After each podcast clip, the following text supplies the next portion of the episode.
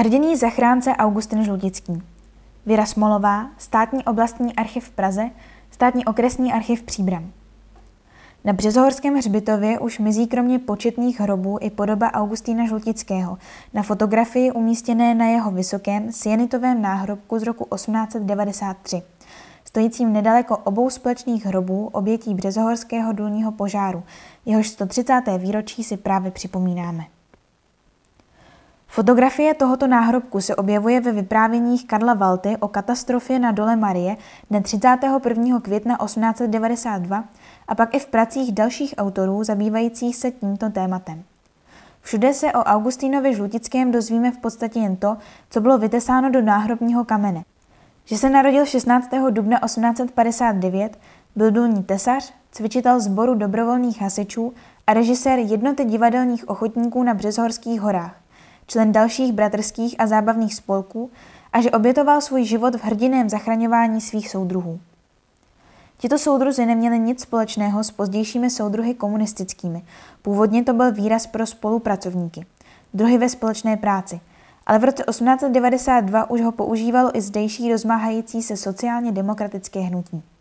Komunisté slovo soudruh převzali a v roce 1921 si založili vlastní stranu. Nenašla jsem však písemný pramen potvrzující, že by se do sociální demokracie Augustin Žlutický zapojil. Byl mužem z lidu, měl sám málo, ale když šlo o věc dobrou a českou, podával pomocnou ruku. Ve státním okresním archivu se bohužel z doby jeho života nedochovaly žádné archiválie březhorských spolků, v nichž způsobil. Buď jsou dosud v soukromých rukou a nedostupné, nebo už byly zničeny. Podle Valtovy knihy z roku 1946 pracoval Augustin Žlutický před katastrofou na pátém obzoru dolu Vojtěch a jeho tělo bylo 2. června 1892 vyvezeno z 24. obzoru dolu Vojtěch, kam se prý při požáru vydal s důlním tesařem Josefem Vondruškou, aby vyzvali k výjezdu ze šachty horníky, kteří šířící se jedovatý kouř ještě necítili. Jaroslav Korbel ve svých březohorských soupisech uvádí ještě poznatky z archivních evidencí obyvatel, že Augustin Žlutický měl dva starší sourozence, Alžbětu a horníka Františka.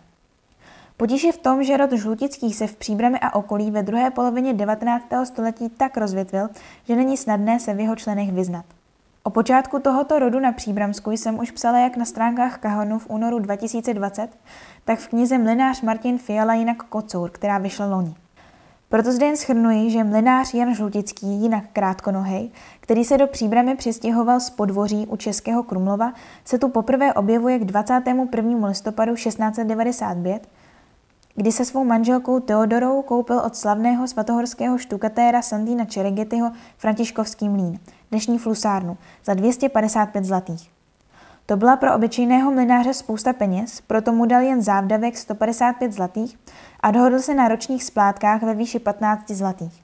Po pěti letech uznal, že i to je pro něj příliš velké břemeno a tak mlín dvakrát vyměnil a usadil se na malém mlíně pod Brodem, dnes Fialův mlín, po stejnojméným rybníkem. Jan Žlutický měl dva syny. Jan se s manželkou Lidmilou z mlína rodičů odstěhoval hned po svatbě a postavil si domek v Příbrami na Lušťově, v hořejší části nynější Pražské ulice. Jejich nejstarší syn a dvě dcerky v září 1716 zemřeli a měli společný pohřeb. Pak se ale těmto žlutickým narodilo ještě několik dětí. Ty z nich, které překonali nebezpečný dětský věk, v dospělosti založili vlastní rodiny a také jejich potomci žijí v příbrami dodnes. Druhý syn Pavel se také hned po svatbě od rodičů odstěhoval se svou manželkou Barborou k jejímu otci Jakubu Karlovskému na Březové hory, kde se jim během šesti let narodilo pět dětí. Pak si jeho asi 65-letý otec uvědomil, že už mlinářskou živnost nezvládne. Pavel mu v jeho těžkostech pomohl a otec se rozhodl, že mu tedy mlín prodá. Pavlovi se pak ve mlíně narodilo několik dalších dětí. Z jeho synů se dožil dospělosti Antonín, který se 31. října 1745 oženil s Markétou, dcerou a dědičkou mlináře Jiřího Duchoně z lepšího Petrovic mlína pod Drkolnovem, dnes mlín Dolejší Fiala. Pavel Žlutický o čtyři roky později mlín pod Brodem prodal. Když se v roce 1775 projednávala Antonínova pozůstalost, byli naživu jeho potomci František, který převzal Petrovic mlín s Pilou, Vojtěch, Josef, Anna, Kateřina a Veronika. Vojtěch se také vyučil mlinářem, stal se příbramským měšťanem a oženil se s Anou, dcerou příbramského puškaře Holzreitera. Jejich syn František, narozen 21. ledna 1791 v Lasci, byl příbramským mlinářem a měšťanem a oženil se s Kateřinou Kášovou. Jejíž otec byl tehdy kovářem v Pohutíně. Početné potomstvo vždycky znamenalo, že se druhý a další synové, kteří otcovu živnost nezdědili, museli živit jinde. V Příbrami a okolí se nabízela možnost práce v rozvíjejících se stříbrorudných dolech a tak se Františkův syn Matěj, narozen 19. února 1818 v Lasci, stal horníkem. Nějaký podíl z otcova majetku asi dostal a oženil se s Marí, narozenou 21. listopadu 1821 v Bukové u Dobříše. Dcerou po zemřelém Sládkovi Karlovi Molnerovi. Bez vlastního domku a polního hospodářství v každém případě schudli a na Březových horách se několikrát stěhovali z podnájmu do podnájmu. Matějovi a Marii se, jak už bylo zmíněno výše, narodili syn František 12. května 1846 na Březových horách a dcera Alžběta, narozena 4. července 1848 také na Březových horách. Augustin přišel na svět až o necelých 11 let po nich na Březových horách v čísle popisném 265. František pracoval jako havíř u horního závodu. Oženil se a v červenci 1877 se mu narodila dcera.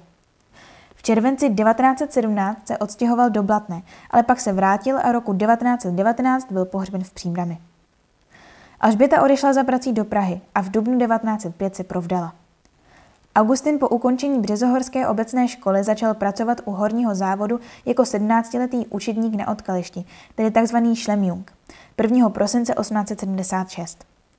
Není známo, kde se naučil pracovat se dřevem. Možná se u něj projevily vlohy zděděné po předcích, protože mlináři truhlářské i tesařské práci rozuměli. Od ledna 1884 byl zařazen jako truhlář, od 30. dubna 1885 už jako dočasný důlní tesař, provádějící výdřevu dolů, tedy dřevič, a od roku 1886 byl řádným důlním tesařem, tedy tzv. Grubenzimmerling. Ve zdejších poměrech bylo neobvyklé, že ve věku 33 let byl stále ještě neženatý a bezdětný, což potvrzuje i kniha mužstva horního závodu, kde je slovo ledich, tedy svobodný, zapsáno dokonce s vykřičníkem. Možná se oženit nestihl, možná nechtěl. V evidenci domovských příslušníků obce Březových hor je totiž u jeho jména zajímavá poznámka s vročením 1891, že je vojínem u 11. pluku v Písku. Chtěl se snad stát třeba jednoročním dobrovolníkem a budovat vojenskou kariéru? A proč se na přes rok vrátil na Březové hory a do šachty? Nepodařilo se mu složit přijímací zkoušky u příslušného zborového velitelství? To už se zřejmě nedozvíme, protože dokumenty tohoto pluku z těchto let se v Pražském vojenském historickém archivu nedochovaly.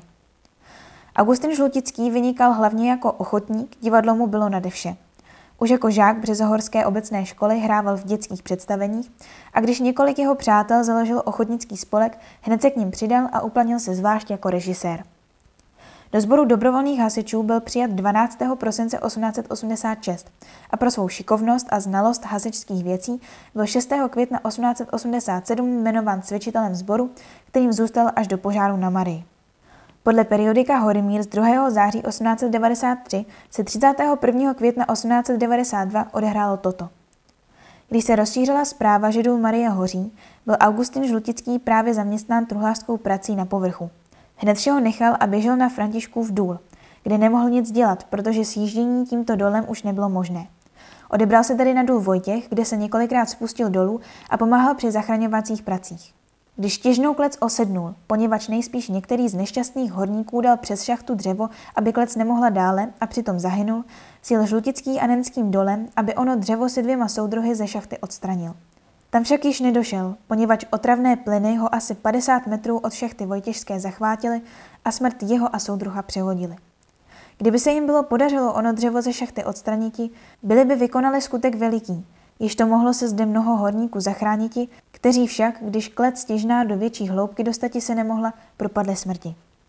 To potvrzuje i kniha mužstva horního závodu, v níž je napsáno, že Augustin Žlutický zemřel 31. května 1892 na otravu oxidem uhelnatým při katastrofálním požáru na dole Marie. Myšlenka na vybudování jeho pomníku vznikla v ochotnickém spolku, pak se k němu přidali další spolky. Bylo vybráno 326 zlatých, z nichž ochotníci z Březových hor darovali 67 zlatých.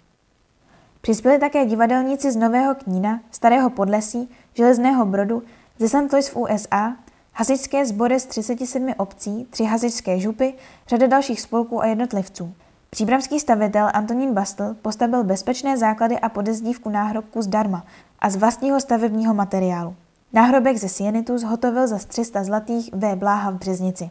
Dne 21. srpna 1893 se na Březohorských horách sešli předseda horního závodu CK Dvorní rada Jan Novák, CK horní správce na dole Marie Hugo Gregler, početné hasičské sbory, deputace mnoha dalších spolků, příbramských ostrostřelců, zastupitelstva obcí a další. V parku u kostela svatého Prokopa se seřadil průvod, který na náměstí přivítal purkmistr Josef Šembera. Místo předsedou slavnosti byl Karel Juzek, městský tajemník. V kostele svatého Vojtěcha se konala mše, pak šel průvod s hudbou na hřbitov. Náhrobek posvětil březohorský farář Antonín Maděra, který pronesl smuteční řeč. Za ochotníky promluvil učitel Josef Zvoníček, za hasiče Mudrian Moser. Mužské pěvecké sbory řídil březohorský učitel a ředitel kůru Josef Hofmajer. Po skončení obřadu se průvod odebral zpět na Březohorské náměstí, kde se rozešel. Mnoho místních i okolních hodnostářů pak šlo do hostince Františka Ptáčka na společný oběd, po němž bylo proneseno několik přípitků a byly přečteny došlé telegramy z hasičských sborů, z Královských Vinohrad a z Březnice a zábavných českých spolků v Drážďanech a na Královských Vinohradech. Většina zmíněných březohorských činovníků už dávno odpočívá na tamnějším hřbitově. Stejně jako hrob Augustína Žlutického a oba společné hroby hrdinů Hlubin jsou i jejich rovy po většinu roku opuštěné.